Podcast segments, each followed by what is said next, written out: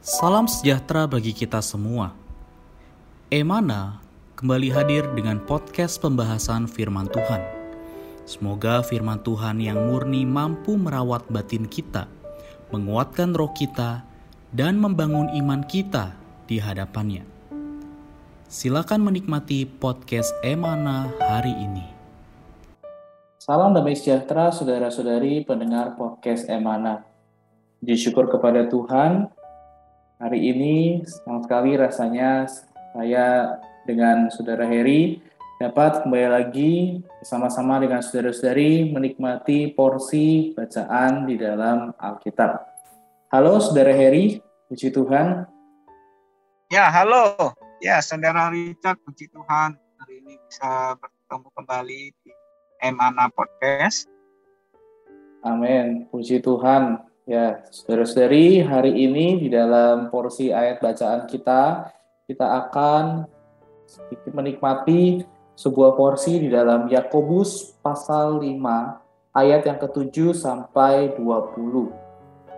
Porsi Amen. ini membicarakan sebuah topik yang berjudul Ia sabar seperti petani.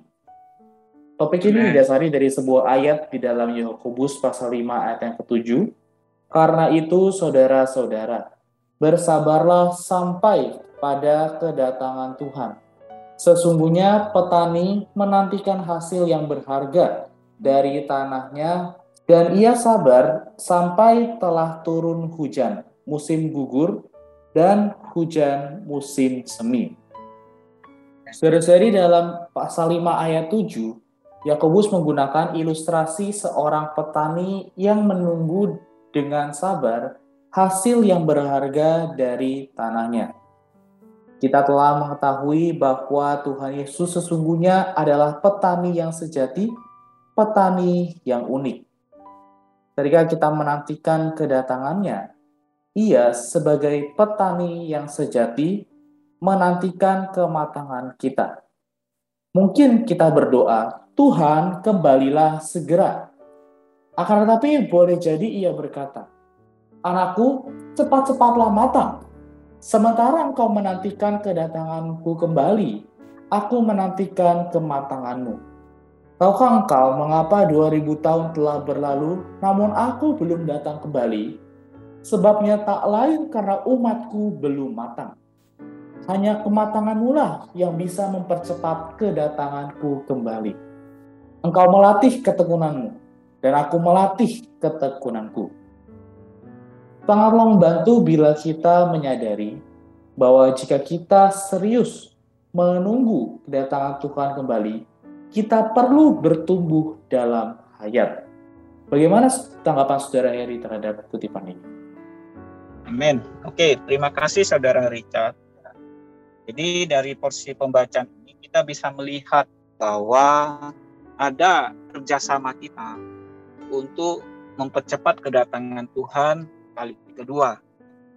Jadi pertama kita melihat bahwa Tuhan adalah seorang petani. Tentu kalau yang namanya petani, satu hal yang sangat diharapkan yaitu apa yang ditanam atau apa yang dicopot. Ya, dia mengharapkan bagaimana menikmati hasil dari apa yang ditanam. Ya, karena itu Tuhan juga dengan sabar menanti ya, kematangan atau pertumbuhan hayat kita sampai mencapai kematangan sehingga kita menjadi satu tuayan yang bisa dia nikmati. Amin. Ya, karena itu ya melalui ayat ini ya kita perlu sadar, kita perlu melihat sebagai Amin. orang Kristen ya, kita perlu mengejar yang namanya pertumbuhan. Kedatangan Tuhan kali kedua ya sangat tergantung akan perkara ini hmm. sangat tergantung dari diri kita. Ya. Karena itu ya kiranya melalui hal ini kita mengejar yang namanya pertumbuhan. Ya hmm. bagaimana kadar Tuhan bertambah di dalam. Ya, ketika kita beroleh selamat pada waktu itulah kita memulai yang namanya Tuhan menaburkan benih hayat ke dalam kita. Nah, benih hayat ini harus bertumbuh dan pertumbuhan ini adalah perlu kerjasama kita dengan Ya, jadi saudara-saudari, mari ya kita untuk mempercepat kedatangan Tuhan, kita perlu yang namanya bertumbuh dalam air. Amin. Amin. Puji Tuhan, saudara-saudari, agar Tuhan dapat segera datang kembali, ya agar kita dapat mempercepat kedatangan kembali Tuhan, ya maka kita perlu bertumbuh di dalam hayat. Saudara-saudari, sangat penting ya bagi kita untuk bertumbuh di dalam hayat, karena hanya dengan cara inilah kita dapat um, mempercepat ya, kedatangan Tuhan.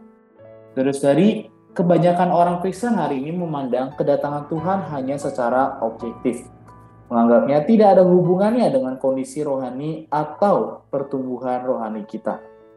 Mungkin konsepsi yang sedemikianlah yang menyebabkan dia menunda kedatangannya. Ilustrasi petani dalam pasal 5 ayat 7 menyiratkan petani sedang menunggu hasil ladangnya siap dituai. Menurut Wahyu 14, Tuhan juga menunggu untuk menuai hasil yang telah masak. Bila tuayan di ladang telah masak, ia akan kembali lagi. Tuayan ini merupakan hasil penaburan diri Tuhan sebagai benih. Penaburan Tuhan telah tergenap pada kedatangan Tuhan kali pertama dan digambarkan dalam Matius 13. Kita perlu mengetahui bahwa masaknya tuayan akan mempercepat kedatangan Tuhan kembali. Bagaimana tanggapan saudara ini terhadap kutipan ini? Ya, oke. Okay. Ya, ini perkara kedua. Ya, jadi sama ya bahwa kelak ya di hadapan Tuhan menurut Wahyu pasal 14 bahwa ya. semua orang Kristen itu adalah ladang jadi Amin. pertumbuhan hayat kita memperlihatkan apakah kita adalah ladang yang siap ya untuk dituai apa. Ya, ketika kita sudah matang dalam hayat, maka Tuhan akan menuai kita. Ya. Yeah. Nah, karena itu ya kadang ketika kita bicara tentang tuayan ya satu ladang sudah matang ya ada banyak hal ya.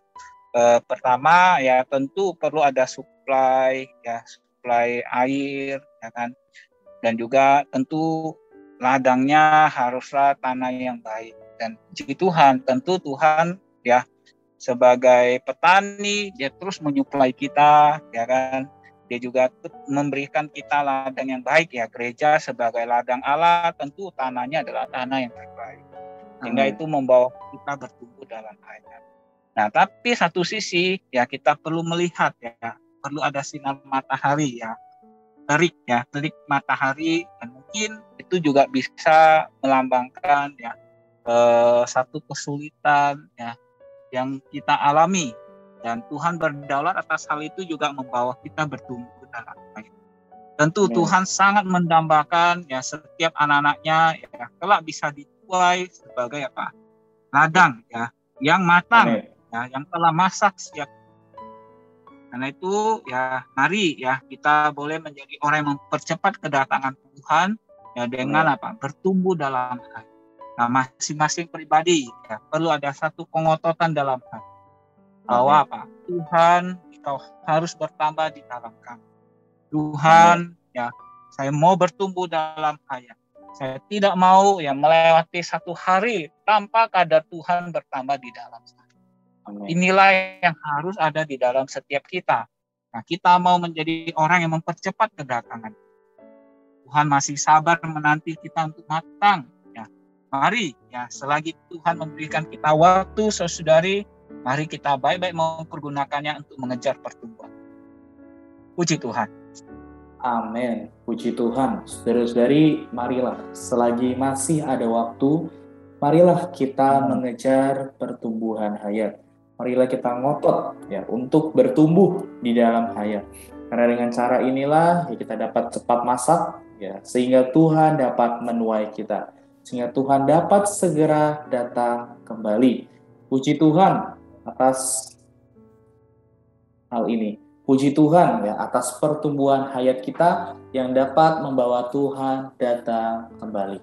Baik, sebagai penutup dan kesimpulan, Saudara Heri dapat memimpin kita di dalam doa. Amin. Mari kita berdoa. Tuhan terima kasih padamu untuk firman-Mu. Kami boleh melihat Engkau adalah petani yang sabar menanti kami. Tuhan ladangmu untuk menguning sehingga kami boleh dituai.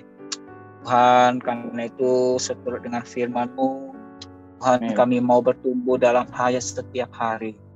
Dan biarkan kami melewati hari-hari kami tanpa ada pertambahan kadar Tuhan di dalam kami. Tuhan, kami terus mau belajar terbuka padamu. Bertambahlah di dalam kami, dialah Tuhan makin membesar, kami yang semakin mengecil. Tuhan, cepatlah datang dan bawa kami, Tuhan bersama dengan Engkau.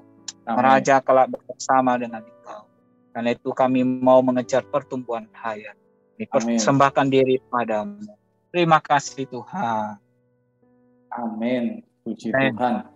Terima kasih Saudara Heri atas sharingnya hari ini. Tuhan Yesus ya. memberkati. Ya, Tuhan ber Tuhan Yesus memberkati Saudara Richard. Amin. Amin. Sekian pembahasan firman porsi hari ini. Sampai jumpa di podcast berikutnya. Jangan lupa untuk download aplikasi Emana pada handphone Anda untuk manfaat yang lebih banyak. Tuhan Yesus memberkati.